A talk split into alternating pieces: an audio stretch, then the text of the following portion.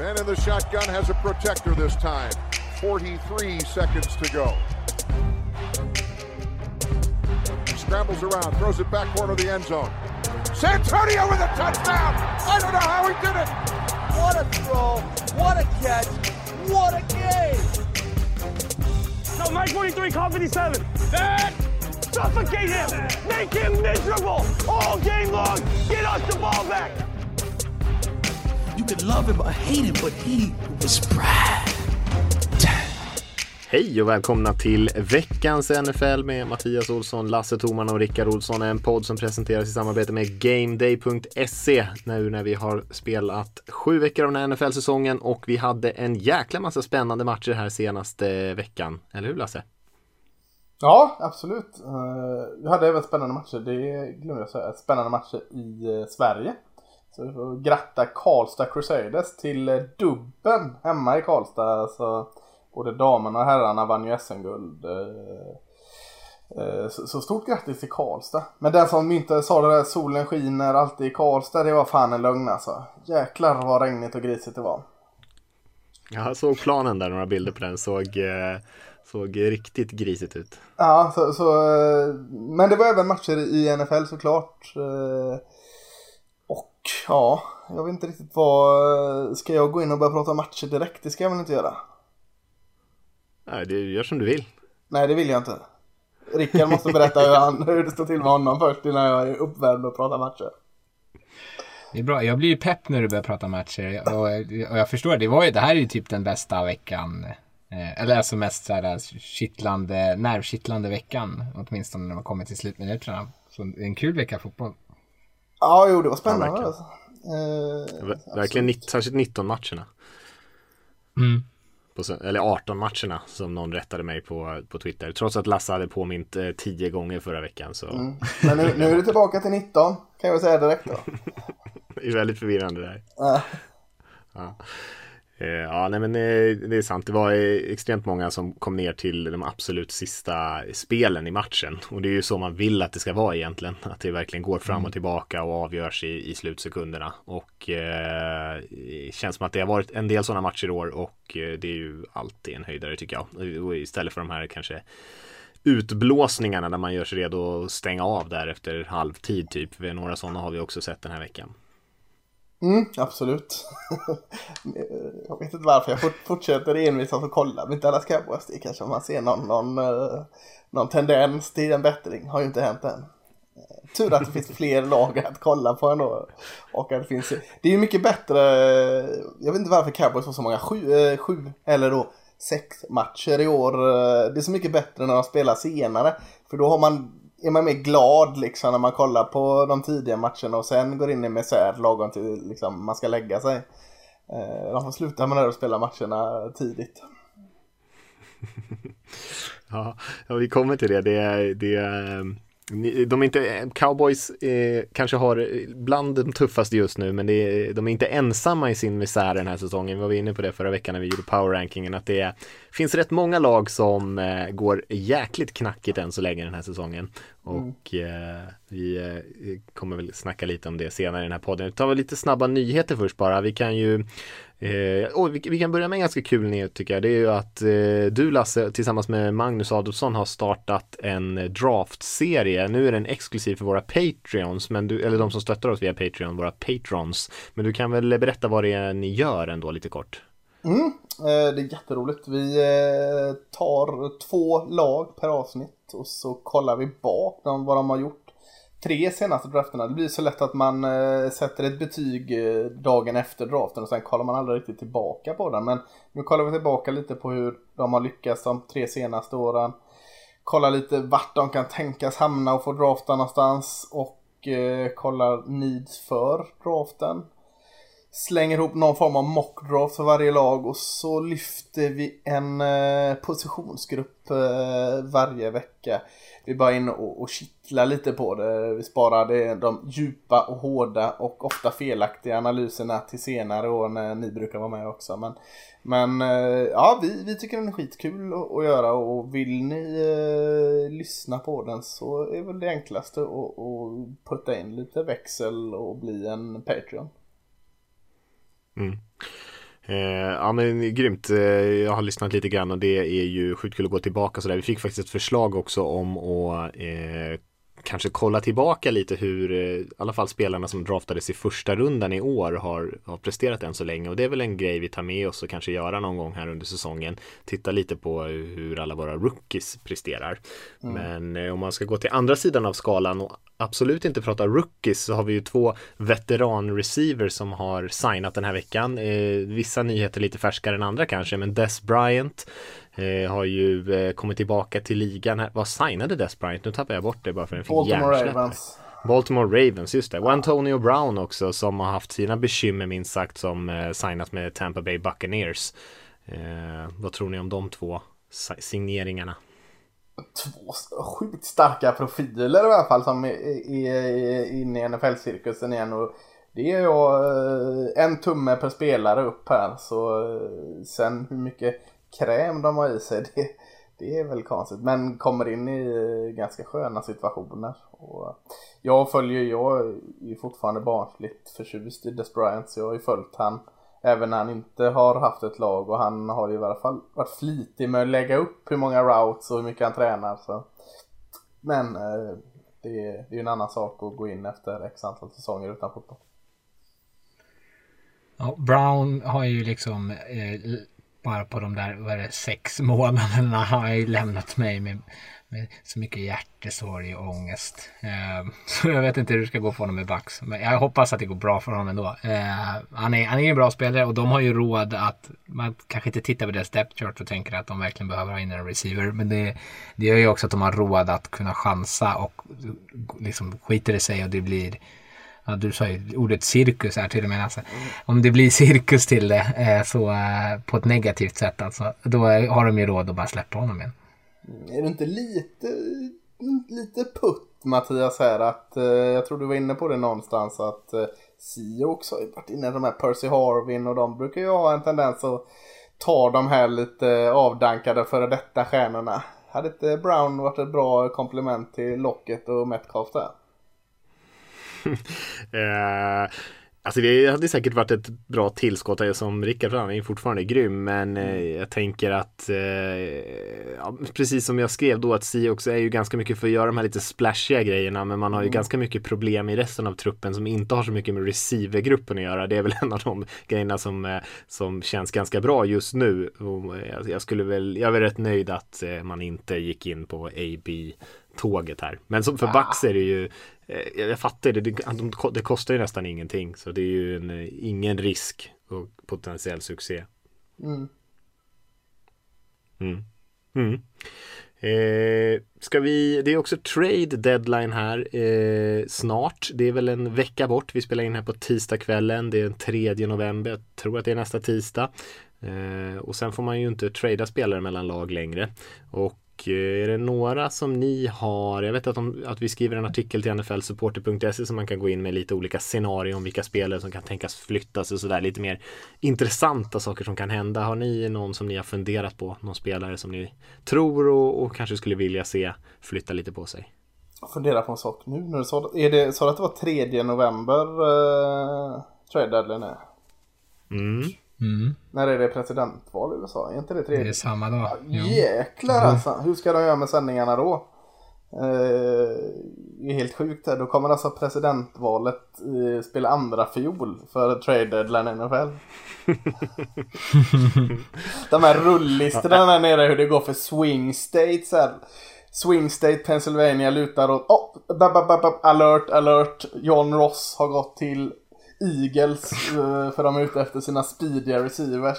Ja, det gav det ju en extra dimension faktiskt. Ehm, så, så, så, så det är min, min förslag trade att Eagles eh, mitt under eh, när de ska presentera Pennsylvania eh, tradar till sig John Ross. För de var ju väldigt tydliga med att de vill ha speed i draften här på sina receivers. Och John Ross har ju varit allt annat än en succé i, i Bengals. Men, men eh, kanske att han kommer in här då under eh, speedtänket Eagles och blommar ut.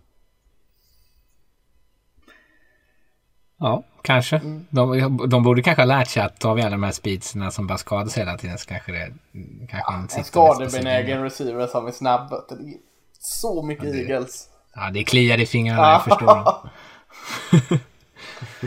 ja, nej. Eh, jag satt och kollade lite linebackers. Tänkte, eh, mest för att jag känns, eller det är en del sopiga lag som har bra linebackers. Dion Jones i Falcons eh, skulle jag kunna tänka mig aktuell. Eh, Miles Jack i Jaguars också. Båda två har inte så här helt absurda kontrakt. Så de skulle ju kunna stanna kvar, men två lag som eh, har en del pengar redan utspridda och som kanske behöver bygga om lite.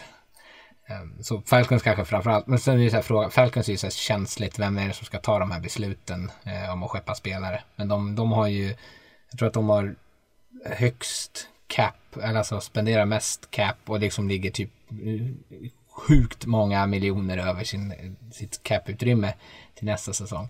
Eh, men någon kanske borde gå in och bara börja lasta av spelare därifrån. Tror du ja. eh, New England Patriots är en köpare eller säljare det här fönstret? Eller tror ni det? Jag tror inte de är köpare i alla fall. Jag, tror eh, jag tänkte såhär när vi ändå är inne på Falcons, Matt Ryan vet Bill Belichick tar Matt Ryan och, och eh, mot ett, han kan säkert gnissla till sig ett, ett val i andra och ett val i fjärde eller något och få Matt Ryan för det till Falcons. Och så eh, vänder de på steken och går och eh, spelar Super Bowl. Ja, du tänker en sån här Brock Osweiler ja. dumpa, ja, köpa ja. kontraktet typ av ja. trade. Men de har ju så jäkla många spelare. på den här covid-listan allting. De borde ju ha eh, liksom space under lönetaket för att få in Matt Ryan. Det är inte omöjligt. Men det känns ju inte så mycket Belichick ja, att hålla på och trada spelare. Det skulle ju vara kul, men jag tror att just för att Patriots, de är ju inte Det känns som att de har, de är en liten bit ifrån. Men eh, jag tror att däremot, jag lyfte ju när vi gjorde den här redaktionsenkäten förra veckan att eh, Stefan Gilmore, deras corner där Som var årets försvarsspelare ungefär förra säsongen Att han kanske skulle kunna hamna i Raiders eller någonstans eh, Som kan behöva lite hjälp i sitt försvar så den tyckte jag mm. var, kändes lite intressant. Sen har man ju slängt runt namn som JJ Watt och sånt där. Ehm, men det är kanske är lite mer troligt att man får se någon som Carlos Dunlap i Bengals eller Ryan Kerrigan i, i Washington som är eh, ganska bra spelare fortfarande men inte så flashiga direkt eh, för något lag som behöver bara stärka lite. Men man skulle ju vilja se någon riktig sån där eh, som får eh, presidentvalet att hamna i skuggan. Ja, hoppas på det. Men det var, jag kommer inte ihåg hur det var sist. Var det någon action förra uh, trade deadline? Inte mycket va? Nej, man, man håsar upp det här så väldigt mycket och så sen blir det ingenting. Nej, jag tänker så här, det, det, det, har ju varit rätt mycket stora trades, men det känns som mycket har varit under off-season. Alltså mycket har varit under andra tidsperioden än själva deadlinen. Mm. Um, så jag tror, jag, tror, var, jag tror att det har varit väldigt lite de senaste åren faktiskt. Jag kan inte minnas några så här stora trades som var precis runt deadline. Nej. Så vi får se om det är lite annorlunda i år. Det är ju lite fler desperata lag. Ja, så är det. Eh, ska vi säga några ord om, eh, vi lämnar trade deadline där och hoppar in på vecka 7 tycker jag. Eh, och säger någonting om dem. Det var ju en reaktionspodd från NFL-supporter som pratade om alla de här spännande eh, 19 matcherna. Jag vet inte om det är någonting som ni vill säga från någon av de matcherna som man eh, ska kommentera innan vi, utan att gå in i liksom djupt på dem, innan vi hoppar in på de sena matcherna och säger något om dem var ju ganska mycket att kommentera men som du säger så har, ju, eh, har vi redan pratat om den i vår reaktionspodd där men eh, ja, Steelers Titans går ju liksom inte att bara nämna igen att det var ju verkligen den matchen man hade hoppat på i förhand. En jäkla tight match som stod och hängde och, och eh, ja, den infriade verkligen förväntningarna. Ja, alltså jag klickade ju bort från den i alltid för jag tänkte så här, oj nu har Steelers ett starkt grepp om det här. Mm. Så var jag ju tvungen att, att, att, zona in tillbaks till den. Mm.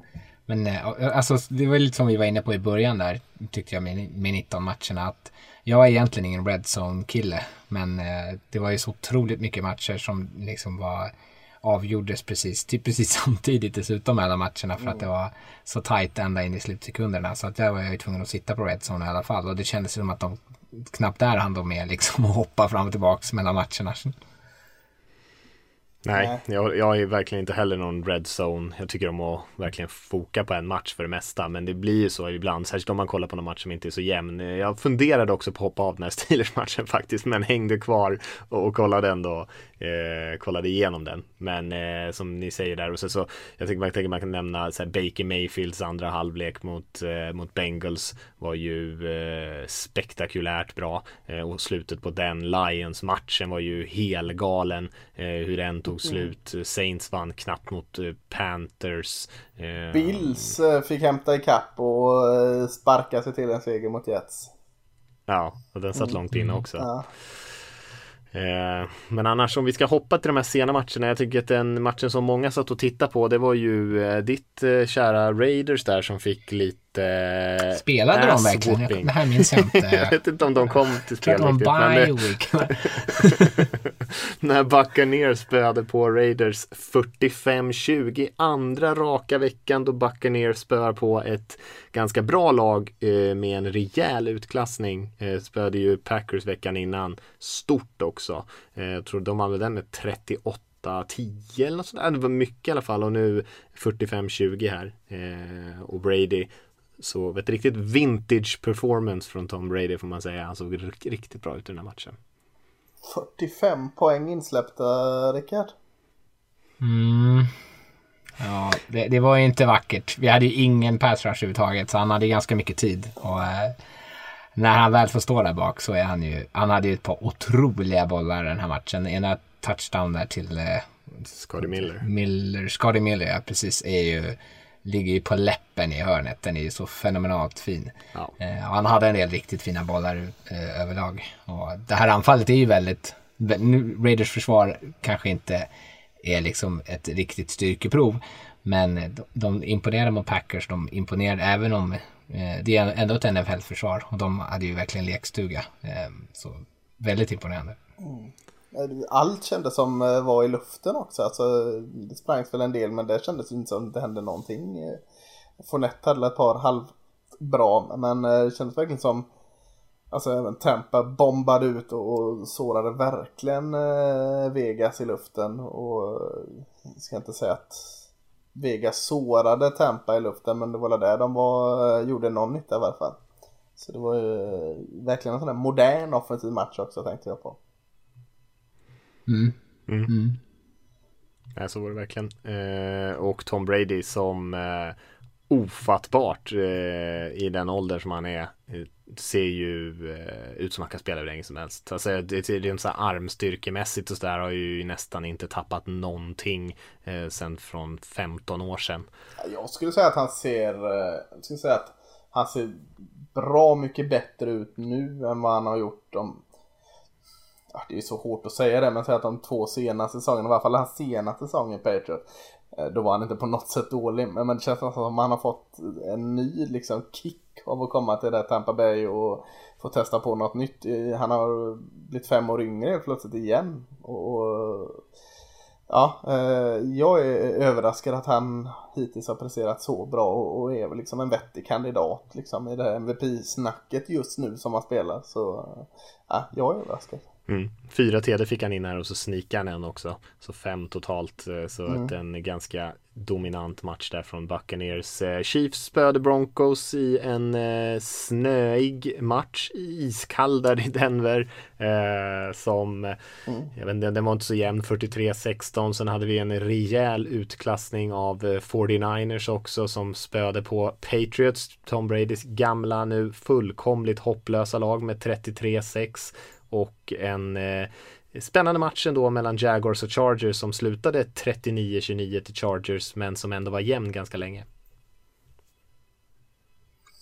Ja, ska man, Eh, Ja, Ska man Ja, stanna kör upp det. någonstans så, är- så är det Chiefs-matchen tycker jag att de kan vinna på det där sättet.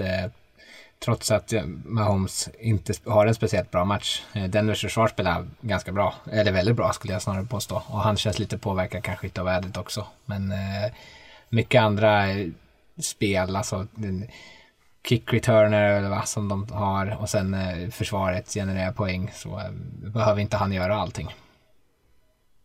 Nej, eh, jag sa det innan när vi tryckte på rekord att Oh, jag såg resultatet 43-16. Det här måste jag ju kolla, och se vad, vad Mahomes gör liksom. Eh, magiska siffror här och så kollar man matchen och så tänker Fan, Mahomes gjorde ju nästan ingenting här.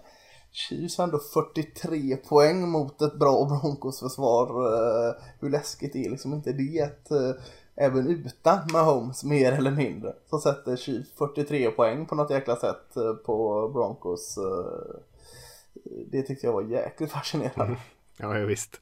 Eh, får se hur mycket tålamod man har med Drew Lock där som eh, tuffa eh, förutsättningar kanske men som eh, har inte gjort ett jättebra år än så länge för Broncos de gånger han har startat och spelat. Eh, han har ju två interceptions här också.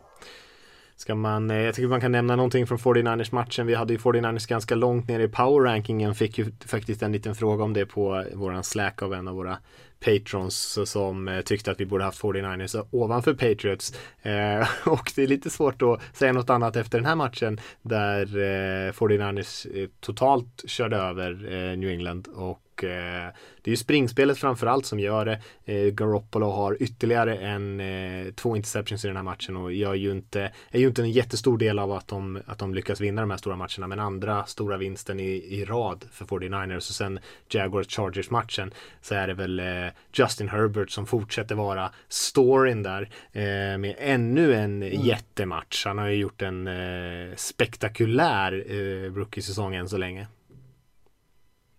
Och han klickar så fint med stjärnreceiverna här. Alltså nu, nu eh, hade han jättebra samarbete med Keenan Allen här och komma in och, och, och klicka med de eh, liksom ledarna, eh, veteranerna. Ytterligare ligger honom i fatet så att äh, Joe Burrow i Cincinnati gjorde jättebra också men Justin Herbert är för mig kanske det största utropstecknet i, om vi ska bara, bara nämna rookies som vi ska gå igenom om, om några veckor kanske så ja, jag är grymt imponerad mm. av honom. Mm. Absolut.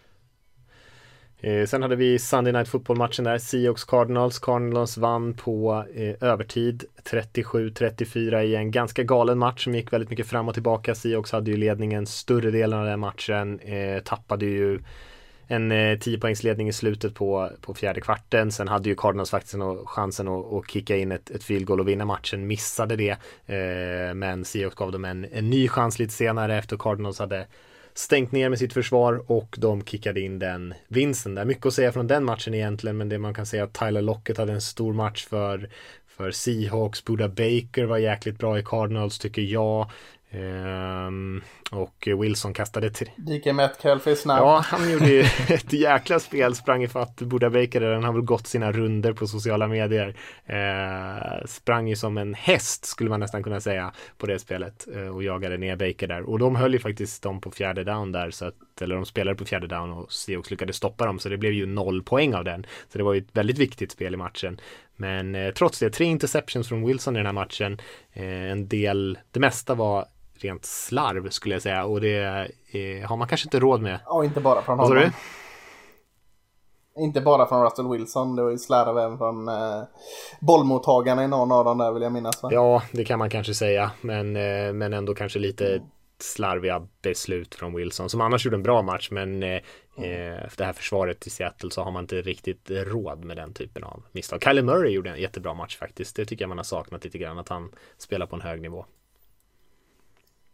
Mm. Nu blir jag sugen att gå in och, och kolla det här med DK Metcalf när han jagar ikapp Budda Baker. är ju nästan lika imponerande som när eh, Cowboys gamla offensiva linjeman Larry Allen gjorde samma rush för eh, eh, 25 år sedan. Det är, ju, eh, det är ju en helt annan näve eh, galet när han jagar ikapp. Den är ju coolare ju. ja, ja visst. Så att om, om den här DK Metcalf har gått från någon sån här viral social media så, så får fan då får jag ut och slänga ut Larry Ellen eh, i kappjagningen igen för den är ju fan bra mycket sjukare. Jag twittrar ut den. Uh... Ja, på tal om Seahawks Cardinals. Ja, exakt, exakt. I sådana här tider så måste du väl prata om forna dagar. Ja, jag måste ju få, ja, det är den där kan leva på just nu. Ja, det är en viktig match för Cardinals som gick till 5-2 där och eh, ligger ju faktiskt riktigt bra till än så länge i West där. Vi hade en Monday Night Football-match som inte var sådär jättemycket att säga om heller. Eh, mycket försvarsspel, eh, ganska mycket slarv anfallsmässigt. Rams vann 24-10 mot Bears. Ehm, och eh, special teams för Rams och annars inte sådär jättemycket spännande grejer. Ytterligare två interception från Nick Foles och Chicago fortsätter att ha problem där med, med sitt anfall. Men eh, alltså visst, Rams hade 24 poäng men Bears försvar fortsatt bra och, och Rams försvar är ju jäkla bra nu alltså. Eh, när deras anfall kanske inte är lika spektakulärt. Jag tyckte inte det var en, en superinsats av offensiven. Jared Goff gör det bra och, och eh, ja, hans receiver gör väl det helt okej okay, liksom. Men eh, de har ju i alla fall jag lyft innan som och varit väldigt imponerad av nu eh, när de kanske inte gör sin bästa match och går försvaret egentligen och stänger ner visserligen i ett väldigt, väldigt eh, blekt Bears eh, som, som inte såg ut att ha någon matchplan alls på offensiven. Men, men eh, ja, eh, imponerande starka Rams alltså.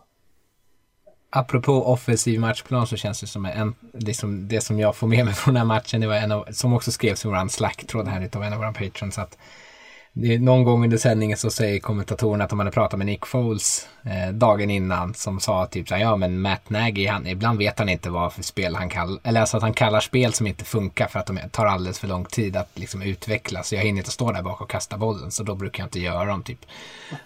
det känns som så otroligt, otroligt här disconnect mellan QB och, och, och sin playcaller. Arsch. Skönt ja, han har blivit väldigt frispråkig Nick Foles. Det känns annars som en, så här, en god soldat. Men det är inte första gången som han är lite kritisk eh, mot hur eh, saker och ting funkar där i Bears. Eh, och det är väl kanske inte så konstigt att, att det ser ut som det gör. Om inte ens playcallsen kommer in i tid. 5-2 är de ändå. Ja. Det är de. Eh, man kan ju nämna Johnny Hecker här, Pantern, jag sa special teams bara, Pantern i Rams som hade en eh, historisk match får man säga här. Eh, med fem stycken fantastiska punts som jag skulle säga egentligen gör att de vinner den här matchen betydligt mycket enklare än vad man hade annars hade gjort. Ja, ja det är kul att de får lite kärlek här. Ja, exakt. Punters are people too, mm. som man säger. ska vi göra någon liten spaning? Tycker ni? Ja men det kan vi göra. Jag, kan, jag, kan, jag kan börja här. Eh, jag får ju någonstans gå i bräschen för NFC East. Och det är ju inte jättelätt att göra det just nu. Eh, de i eh, Philadelphia har två vinster, Washington har två vinster, Dallas har två vinster och Giants har en vinst. Sju vinster totalt. Sju och en halv tror jag man kan räkna eftersom Eagles har ett kryss mot Bengals här. Så jag var tvungen att kolla om det är den värsta liksom, divisionen någonsin. Eh, jag, jag var för lat att kolla eh, värsta divisionen efter eh, sju omgångar så att jag kollade totalt och då, då är det NFC West som är etta och tvåa på listan eh, alltså efter en säsong yes. just nu.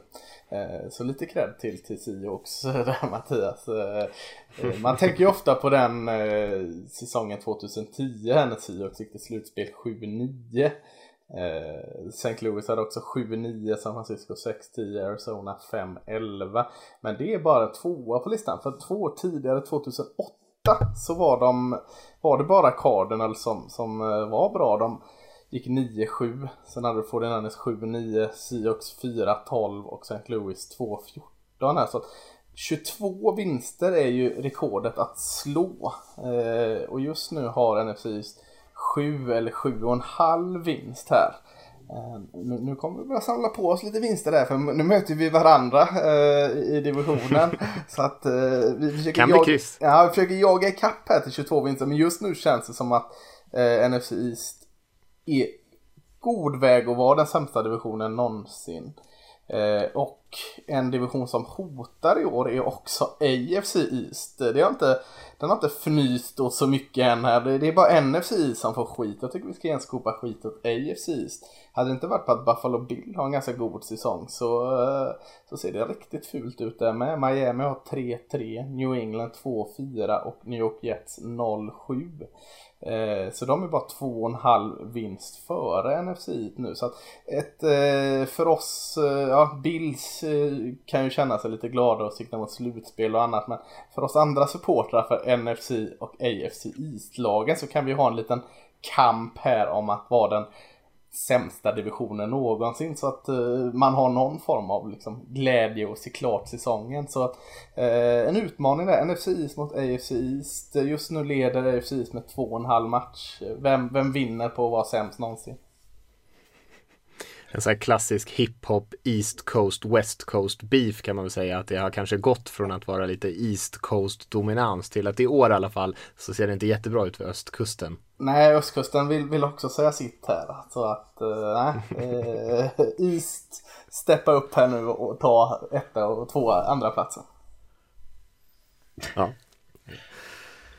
att hålla koll på. Jag kan mm. eh, nämna, jag var inne på det lite tidigare men eh, just Rickard pratade om det här att man eh, funderar på om man ska byta match där i halvtid i några av de här matcherna där det har varit eh, stora ledningar och eh, då funderar jag lite på det när jag satt och kollade på matcherna i helgen. Att det känns som att det är många lag som tar stora ledningar och så tappar de dem. Vi har pratat om Lions, Falcons och en del andra som är, gör det på eh, imponerande bra sätt eh, i väldigt hög takt och tappar de här stora ledningarna. Men det har ju varit mycket sånt över hela ligan i år tycker jag. Det var väldigt mycket så här att lag har spelat bra i första halvlek, dåligt i andra eller dåligt i första och bra i andra har varit helt olika typer av lag. Eh, och jag vet inte vad det beror på om det har någonting med försäsongen eller något att göra. Så jag kollade lite grann på de siffrorna också. Och det är ju eh, historiskt höga siffror där av lag som tappar tappar eh, stora överlägen. Jag tror att vi har haft eh, 21 matcher hittills som har vänts där det har varit minst 10 poängs eh, ledning för, för ett lag som har tappat det och torskat. Eh, så att det är mycket sånt som sker just nu. Eh, oklart vad liksom eh, förklaringen är till det, men det har ju varit mycket poäng, ganska dåligt försvarsspel generellt över hela ligan. Ganska mycket skador eh, som vi har pratat om, en del som har hoppat av på grund av covid, det är inte jättemycket spelare, men det är kanske lite mer oerfarna spelare inne på plan som gör att det blir stora spel, slarvigt till och från eh, och kanske också att man inte riktigt har koll riktigt på motståndarna så att de här justeringarna i halvtid kanske blir viktigare än någonsin. Så bara lite eh, allmänna tankar kring att vi har sett väldigt mycket sånt och vi får se om det, om det håller i sig här när säsongen tickar vidare. Mm. Ja, det är ju spännande att se om man kan liksom klura ut vad fasken det beror på. Om det är orutin eller eh, att de inte är förberedda efter att de inte haft någon off-season eller vad fasken det är. Men ja, det är intressant. Eh, eh, eh, nu när du pratar om det, jag har inte ens reflekterat över tiden, men det kan ju också göra att, med att djupet i lagen utmanas mer. Så när man börjar bli trött där mot andra halvlek och så måste sätta in någon spelare som kanske igen, alltså i en vanlig säsong inte ens hade klivit in på planen så kanske man blottar sig mer och liksom att det kan utnyttjas av ett, en pigg koordinator. Mm. Eh, ja, min, min, spaning den här veckan, det är lite det du är inne på där Mattias, som är ett lag som är dåliga, eller som är duktiga på att eh, sumpa matcher i slutet. Och jag, jag, vi måste ju ta upp det som händer i slutet utav Lions eh, och Falcons matchen eh, med Todd Gurley. Det, står, det är lite, knappt en minut kvar, eller det är en minut och 14 sekunder kvar. Eh, och det står 16-10 till, nej 16-14 till Lions. Och, eller till Falcons, förlåt. Eh, och om de bara egentligen stort sett bara tar ett par knän, för de är nere på 10 yards linjen. Om de bara tar ett par knän och sen kickar en field goal så kommer de vinna den matchen med 17-16, förutsatt att de sätter kicken förstås. Eh, men istället så kallar de ett springspel och så springer Todd Gurley liksom igenom eh, liksom line of scrimmage, kom, bryter ut på andra sidan för att linespelaren såklart släpper igenom honom. Eh, och sen så hinner han inte stanna innan han kommer in igen och så liksom lägger han sig ner och ligger i någon sorts typ av spädbarns eh, läge. Eh, precis med bollen eh, in i en zone och så runt omkring honom sen då, när, när allting är över. Då står det liksom fyra stycken Lions-spelare med händerna upp i luften och signalerar touchdown och försöker övertala domarna om att han, är, att han har liksom korsat linjen.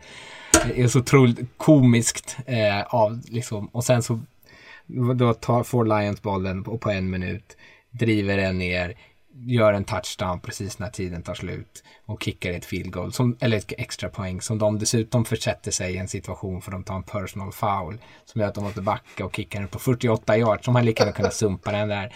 Det är sådana här två så här Ja, så två så här naturliga krafter som är större motpol mot varandra. Så bara slåss om vem av oss kommer förlora den här matchen och så lyckas de göra det. Men man, man, liksom, Gurley är den som får all skit för att det är han som springer in i en zone. Men det är ju egentligen Dirk Cutter, den offensiva koordinatorn, som ska få skit för att de inte bara tar ett knä som liksom en, en vanlig vettig människa hade gjort. Ja, jag fattar inte varför man inte gör det alltså. Eh, och det här är inte första gången eh, sån här grej händer.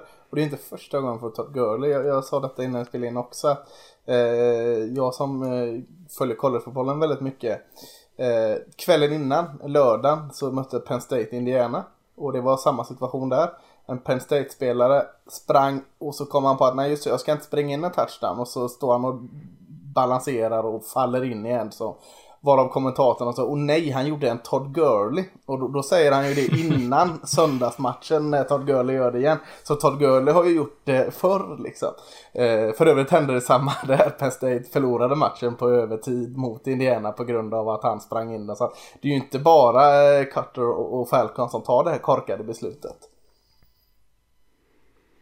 Nej, förskräckligt. Mm.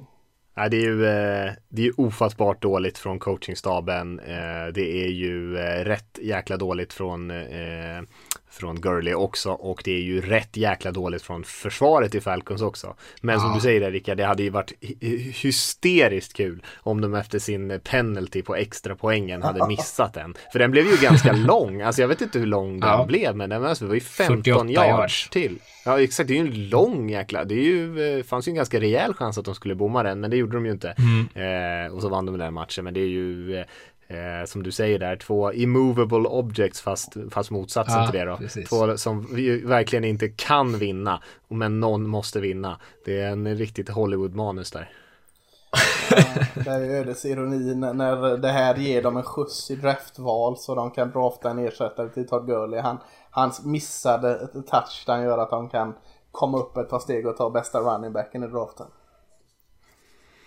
Det är ju, alltså man får ändå säga det, det här har ingenting med saken att göra, men jag tänker så här, Todd Gurley har ju inte spelat bra eh, för, eh, för Falcons, det kan man väl eh, ganska lugnt säga. Och mm. Eh, jag tänker också David Johnson som, som gick över från, till Texans och några av de här gamla running backsen som folk hade nästan skrivit av och sen helt plötsligt så fick de nu vet jag inte om någon hade skrivit av honom.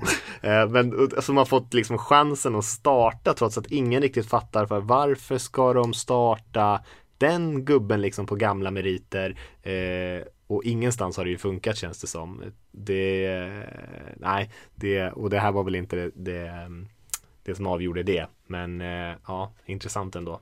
För han skulle ju mm. kanske, man skulle behöva en ersättare till honom. Definitivt. Mm. Eh, ska vi eh, hoppa till eh, vecka åtta och kolla på lite vad det finns för spännande matcher där? Absolut. Vill du kicka av oss med någon match Mattias?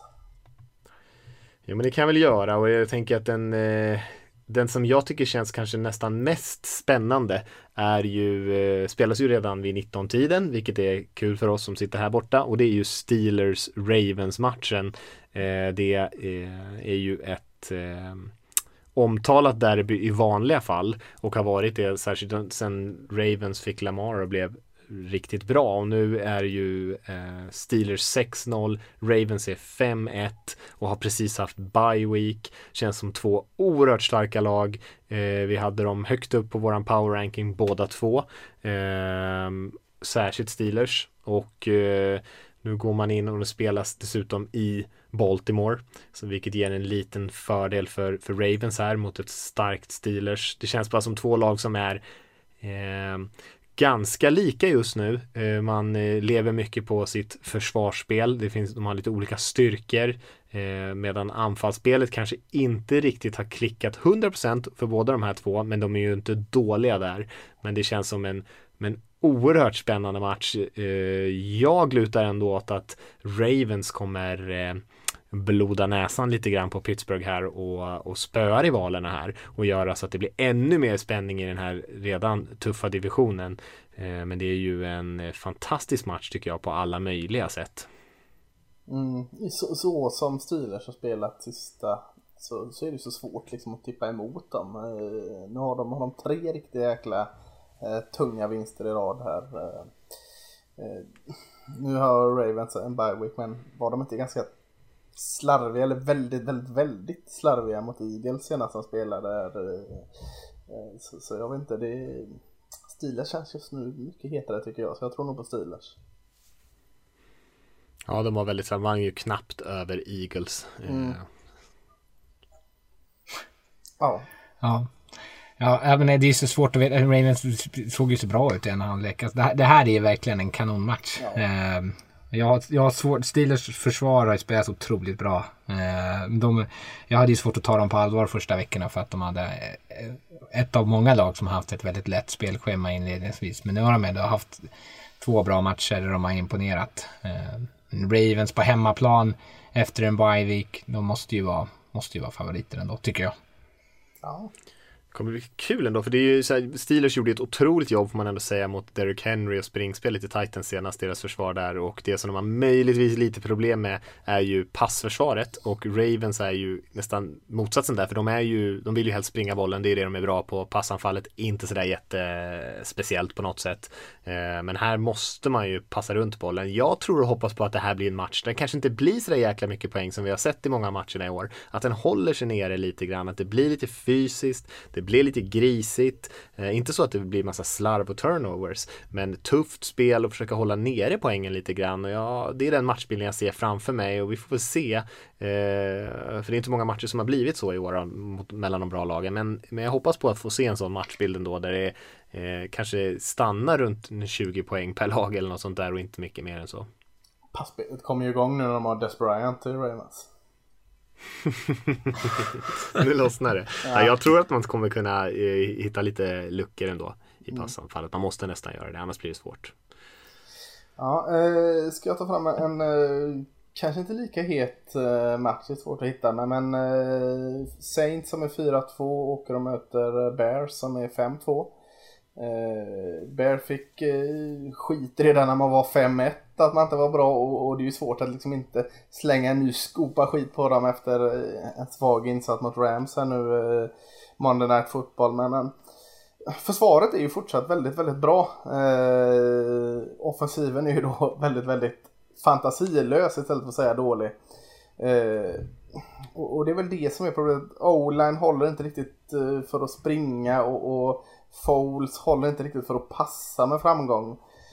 Eh, så Bears, det, det, är liksom, det måste, någonting måste liksom låsas upp i offensiven här för att eh, Saints har, kommer till den här matchen med tre raka och, och, och, snittar runt 30 poäng i offensiven. Trots att Michael Thomas och, och Sanders är borta på grund av skador och covid och allt vad det är så Eh, så levererar ju Drew Brees och framförallt eh, Alvin Kamara i offensiven. Men vänder man lite på det så är det två olika lag. För där är försvaret fortfarande inte så bra som det borde kunna vara. Eh, och det är inte bara så här att att eh, de missar lite Simons. Alltså väldigt, väldigt förvirrande. Framförallt när de ska liksom försvara i zonspelet. Eh, det känns som det är en helt ny grupp spelare, vilket inte är med. Men, eh, ingen kommunikation, så, eh, kommunikation emellan dem. Och de ser liksom väldigt dåliga ut i zonspelet och, och missar jättestora ytor i, i zonförsvaret. Eh, så är det någon match kanske Nick Foles har chansen att liksom hitta öppna ytor så är det att utnyttja Saints just nu dåliga zonförsvar. Eh, nu tror jag nog att eh, även om han lyckas hitta det och de sätter 27 poäng så eh, känner jag ändå Saints som favorit för att då sätter de 30 och vinner. Men jag tror det kan bli jämnare. Mm. Ja, man vet, man vet ju aldrig vad man har Bears. Och Saints också är lite så känns det som nästa säsong. Man vet inte riktigt vad man har dem heller. Nej. Får jag ta, får jag ta en annan match? Mm. Mm, kör. Då, eh, nu har jag ju pratat mycket om mina Raiders eh, senaste tiden. Jag tänker lyfta dem igen. Ja, eh, de har tuffa, roliga matcher. Ja, det har de ju faktiskt. Mm. Den här veckan möter de Browns som eh, nu, nu vann då senast. Eh, och att inte prata så mycket om just Raiders då kan jag prata om Browns. För jag, jag tycker att det är en ganska kul, kul matchup. Deras eh, offensiva linje borde kunna skapa en del luckor i springspel så att de kan springa igen eh, effektivt. Eh, och Baker, jag är inte så här superfan av Baker. Jag tycker att han känns eh, han känns så beroende av att han hittar sin spelare på sin första read. Jag tycker han är sen och, och går vidare efter det. Ehm, och nu möter han ett Raiders försvar som inte är speciellt bra på att blit, eller de blitzar väldigt lite och de är inte så bra på att generera press med sin front 4. Så då kommer han få ganska mycket tid och då är han ju betydligt bättre. Han är ju liksom skrämmande dålig rent statistiskt när han är under press. Ehm, och när Raiders väl blitzar så har de så pass många nya delar eller så pass många förvirrade höns där bak att man inte riktigt kan identifiera vem som är den så kallade hot read eller vad man kallar säger. Alltså den som när Baker make, märker att han blir blitzad så måste, har han liksom på förhand bestämt sig för dit går jag med bollen, det är min eh, säkerhet om det skulle, om det skulle skita sig. Eh, och Raiders har varit väldigt dåliga eh, den här säsongen att liksom identifiera var vem som är den spelaren när var den bollen går. Så att även när de blitzar så blir de väldigt sårbara. Ehm, så det här är en match där Browns anfall borde kunna eh, slänga upp en del poäng. Eh, och får vi se ifall Raiders offensiva linje kan spela bättre. Nu var de lite eh, knepiga förutsättningar ja. för matchen. Men nu med Berätta om de förutsättningarna för de som har missat det lite snabbt. Då kommer jag ju bara låta som en surskalle. Nej men det, du har min eh. tillåtelse till att göra det. Så det, det, ni får skylla på mig. Ja, jag ska göra det. Ja. Uh, Raiders inför uh, matchen mot Bucks nu senast så hade de ett, ett covid-fall. Eller Trent Brown, deras right tackle, testade positivt. Eh, och han hade ju tränat och umgåtts med hela den offensiva linjen. Så hela startande offensiva linjen fick inte träna under veckan. Så de hade ingen träning inför matchen mot Bucks. Utan de kom in söndag morgon. Eh, samma dag som de skulle spela. Vilket gjorde att de hade en del kommunikationsproblem och sånt där. Och hade svårt att plocka upp blitzar och diverse. Vilket är bra jäkla skit alltså. Ja, det är lite, det är lite konstigt kan man tycka ja. att de inte flyttade den här matchen. Å andra sidan, eh, Trent Brown hade inte sin sån här GPS-tracker som alla spelare måste ha för att de ska kunna identifiera vilka de umgåtts med. De hade inte masker på träningen och Raiders har redan blivit liksom bötfällda tre gånger för att de har brutit mot covid-reglerna. Så om de ger ett långfinger till ligan och deras eh, reglementer så kanske det är bra att, eh, att ligan ger ett långfinger tillbaka. Eh, så de får, det är väl sin egen medicin. Men nu, nu möter de Miles Garrett som spelar så eh, otroligt bra. Mm. Eh, han är ju verkligen i snacket för årets defensiva spelare. Och det ska bli kul att se hur den här offensiva linjen kan ta sig an honom. Det är inte nära ens va? Eller han är väl i överlägsen ledning än så länge Miles Garrett. Jag tror att han har, han har nio sacks och fyra ja. forced fumbles på sju matcher. Och han också två fumble recoveries på den, på den tiden. Så han är ju på väg mot att liksom krossa alla rekord om han fortsätter det här tempot som han gör. Um, men det är, det är ändå väldigt Raiders att skita i coronaprotokollen. Ja. Men vad fan, O-line behöver man sån här GPS-tracker på dem. De står i buffékön till Golden Corral liksom med en bricka i handen. Man vet vart de är. Ja, ja, det är bara att ringa in och fråga, är de där? Ja, ja. Head count och så, ja, ja men alla är här. De är tredje, tredje gången de tar backning på tallriken. Men det är, det är sant däremot att det är jäkligt svårt att, alltså det går ju inte att träna in egentligen någon typ av offensiv gameplan utan Nej. sin startande offensiva linje. Hur ska man kunna göra det? Alltså inga springspel, ingen liksom blockering, alltså ingenting kan man göra egentligen. Skillspelarna kan springa sina routes där och, och lalla runt som att det skulle vara sju mot sju fotboll, men det är ju inte riktiga förberedelser inför matchen. Nej. Eh, se hur det går. Nu har ju inte han kanske varit eh, den playmakern som eh, man önskade i alla matcher men Odell Beckham Jr borta säsongen ut här med skada så det är en måltavla mindre för Baker Mayfield. Nu har de ett par andra bra receivers i sig men värt att notera. Mm. Mm.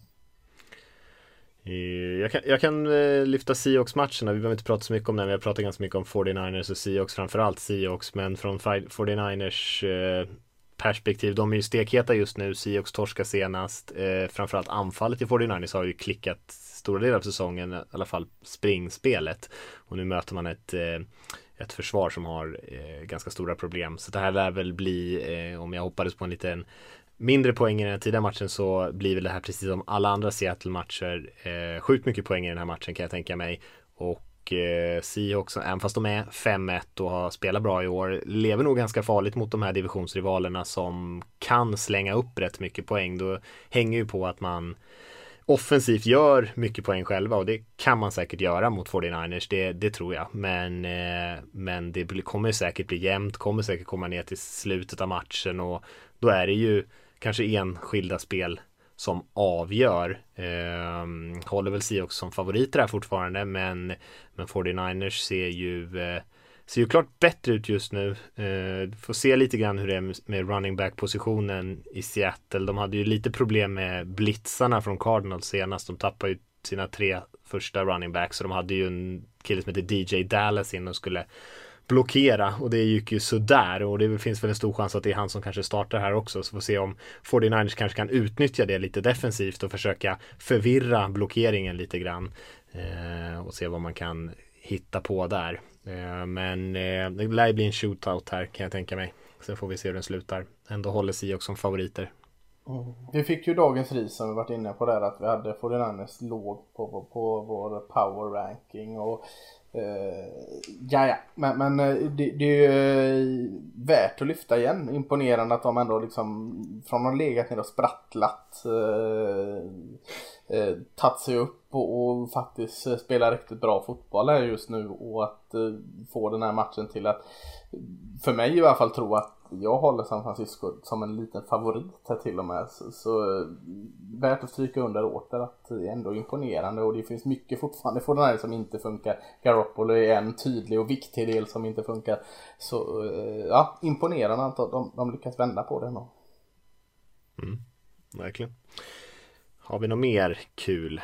Ja, ni tyckte inte den var så kul, eller du tyckte inte den var så kul när jag föreslog det. Men jag, jag tar med den ändå. Det slaget i den näst sämsta divisionen AFC East mellan eh, Patriots som är 2-4 och Bill som är 5-2. Eh, jag tycker den är intressant. Tronskifte på gång här.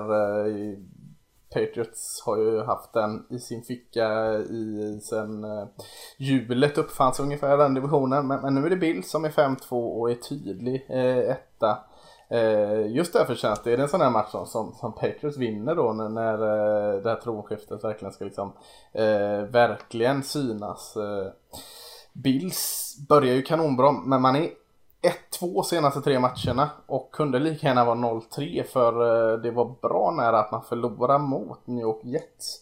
Och är det bra nära att man förlorar mot New York Jets då är det inte allt som funkar sådär jättebra eh, just nu i alla fall.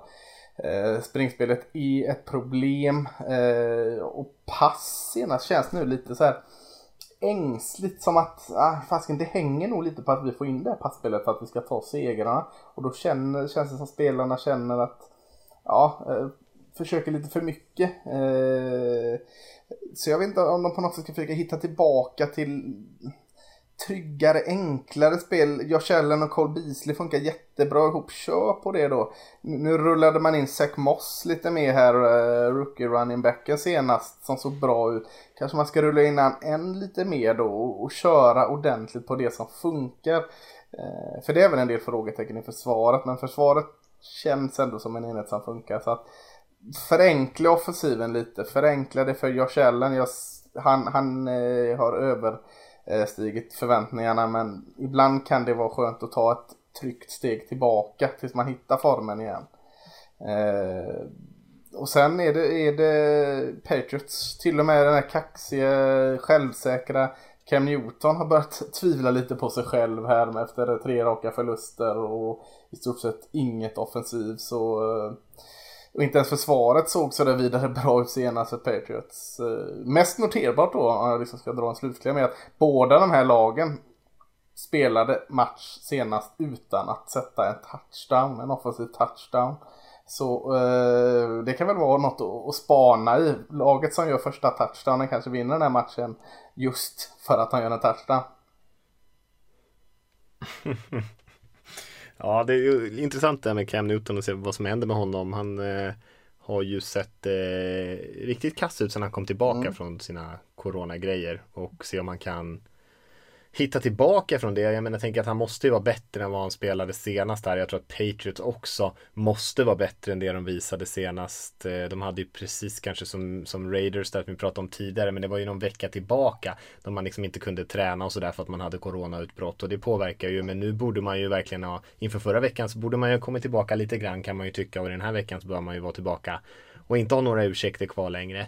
Man måste ju spela en eh, en, eh, en, alltså i alla fall så att man är hyfsat med i matchen. Eh, annars så får vi kanske ta och räkna bort dem snart. Men som du sa, det, AFC det är inte tuffaste divisionen så man har ju fortfarande liksom chansen om man, om man lyckas hitta någonting att luta sig mot. Mm. Och Edelman där är fortsatt ett problem. Han hade en catch för 13 yard senast. Mm. Så får man inte igång honom alls. Alltså jag säger inte att det ska vara samma eh, produktion som med Tom Brady. Men, men de måste ju få ut mer av Edelman. En sån duktig nyckelspelare måste man hitta in i offensiven igen. Mm. Mm. Rickard, har du ja, någonting? För... Alltså, vi, ja, eh, det har jag. Det tycker jag. Eh, det är ju för att Tua Tagovailoa startar i Miami Dolphins när de möter, eh, tar emot Rams till och med. och det tycker jag är värt att bara se den matchen. Nu måste konkurrera den ju då. Tyvärr. Eh, sändningsmässigt med ett, med ett annan bra match där då. Eh, men att kolla på reprisen annars som inte annat. Eh, bara för att se Tua Tagovailoa spela. Nu är det väldigt kul att han kliver in. Ryan Fitzpatrick som har startat innan och spelat bra. De har nog haft som plan att Tua ska komma in eh, efter bye week. Nu flyttades den lite på grund av sådana här schemaändringar med covid och så. Eh, men tanken är nog att han ska kliva in. Tanken var nog från första början att han skulle kliva in. Nu har han haft två veckor på sig att förbereda sig. Eh, De glömde säga det, det till Fitzpatrick bara. Ja, han var inte, alla tänkte, så här, hela sportvärlden ja, var bara, så, Åh, det är så storsint ja. utav Fitzpatrick. Han är en sån mentor, en sån bra kille. Och sen så, så, här, så han bara, nej va? Det här, jag var jätteledsen, det här var ju värdelöst. Ja. Jag vill spela, det var ingen som sa någonting till mig. Alltså, men det, var, det är inte lika mycket, det är inte lika kul att han, att han vill spela. Det är ju roligare att han, att han är liksom någon sorts coach. Ja. Mer story. Ja, men hur som helst. Tua, bara det att det är en vänsterhänt QB, det är första gången sedan 2015 eh, som de kliver in och spelar med vänsterhanden istället. Så det är kul som startande QB i alla fall. Men var det som eh, var vänsterhänt Var det Rex Grossman eller? Nej. Uh, oh, det, här, det är så här mycket kolla. Lys, lyssna fråga, vad bra. Sätt mig inte på pottkanten. Nej, nej, första som svarar, första som svarar, men då. Vad sa du Mattias? I, inte Tibo. Ja, Tibo vänsterhänt. Ja. Tibor var väl för guds skull vänsterhänt. Ja, för, för guds skull. skull. Snyggt. Eh. Kellen Moore. Kellen Moore. Åh, ah. oh, fy fan. Ah. Usch. Oh. Kommer tillbaka till ditt annars. Ja, skönt att jag glömt honom. Ja, fortsätt, förlåt. eh, men de kliver in eh, och han får inte en, rätt match, en lätt match direkt för de möter ju Rams som har liksom deras snitt i quarterback rating och pass yards i liksom under snittet i ligan eh, per match. Och eh, att bara att överhuvudtaget kliva in sin första match mot Aaron Donald är inte kanske det roligaste. Men eh, en, en väldigt kul match bara för att se hur han liksom spelar och hur framtiden i Miami ser ut. För han, det pratades ju om honom innan han skadade sig sista säsongen i Alabama så pratades det om att han skulle vara liksom, det första valet i draften. Att han har den förmågan. Han har ett så pass högt tak att han skulle säkert ha valts där uppe om han hade hållit sig hel. Ja, Tank for Tua var ju en hashtag som gick varm ett tag där. Mm. Ja, nej, jag tycker ja, det är riktigt jag kul. tänker även i Även inför draften där var det ju väldigt få som hade Herbert eh, som ett bättre prospect än Tua. Det ju, om det var det så var det ju ofta någonting relaterat till skadorna. Så att det, det finns ju mycket hype kring honom. Eh, jag tycker mm. att det är mm. jättekul att han ska debutera här och det är ju såklart att eh, man ska försöka se den här matchen om man kan. Eh, men en, en tuff matchup och Dolphins har ju sina issues. Men eh, ja, kul ändå. Ja, för jag tycker, alltså om vi ska prata om Tua Tagovailoa och draften och QB. Så att de två andra som gick högt och det var en del snack kring har ju verkligen infriat förväntningarna och kanske till och med mm. överstigit förväntningarna med Joe Burrow i Cincinnati Bengals och Justin Herbert i eh, Los Angeles Chargers. Så att ännu mer roligt liksom se då Tua är ju en som var bland de tre liksom. Han, eh, han ska ju vara eh, i fas med de två andra om han skada eh, nu inte ställt till det för honom. Så att ännu mer spännande men man går in här med väldigt höga förväntningar och, och eh, tror vi alla har nämnt innan att det är en sån här verkligen en good guy som är lätt att eh, tycka om varför fram tills han slår något av våra lag. Ja, eh, nej jag håller med dig. Och du, eh, vi nämnde ju inte Joe Burrow när vi pratade om recapen här, men han gjorde ju en otroligt bra match den här veckan mm. också eh, för sitt Bengals. Eh, precis som Herbert gjorde. Och det är ju eh, tufft såklart för Tua att komma in just nu, men det, det är ju bara, det är bara att ta det som det är. Det kommer alltid vara tufft att mm. spela startande quarterback i NFL. Det spelar ingen roll när man kommer in egentligen. Jag tänkte om det finns någon match mer som man kanske skulle nämna. Hmm, man kan nämna Colts Lions matchen lite snabbt tycker jag. Lions som har ändå spelat bättre på senaste tiden och Colts eh, som eh, har haft bye week här senast och är 4-2. Eh, så eh, också en ganska intressant match. Två lag som inte har sagt sådär jättemycket om. Eh, Colts har ju eh, varit lite upp och ner och det kan man väl säga minst sagt samma sak om, om Lions. Eh, men eh, jag tror att det kan bli en ganska intressant match ändå. Eh, Philip Rivers kan man ju tycka vad man vill om, om han är bra eller inte. Alltid varit ganska underhållande att titta på, inte minst för att det är lite berg och dalbana och Matthew Stafford, eh, quarterbacken i Lions, har ju alltid varit en av mina favoritspelare att titta på rent underhållningsmässigt. Eh, sen kan det säkert bli en ganska kul match. Mm, tror jag också. Är det något mer vi vill säga om veckans matcher? Nej, är det det? Jag tycker vi tagit ut de, de eh, starka matcherna så eh, ska vi gå in och pilla de andra så får vi gå in och pilla alla och det, det orkar ju inte våra lyssnare med, vad de än säger. ja, men då så, men då får vi hoppas på att det blir lika spännande matcher som det blev förra veckan. Eh, som sagt, en, en, en, ett helt gäng spännande möten ändå. Så får vi se om vi kanske snackar lite rookies nästa vecka eller vad vi nu hittar på. Men, eh, och så kan man skicka in en fråga om man vill det. Podcast.nflsupporter.se eller skicka något på sociala medier. Så säger vi så för den här veckan och så hörs vi, hörs vi nästa vecka helt enkelt. Ja, vi har det fint. Ha det gött.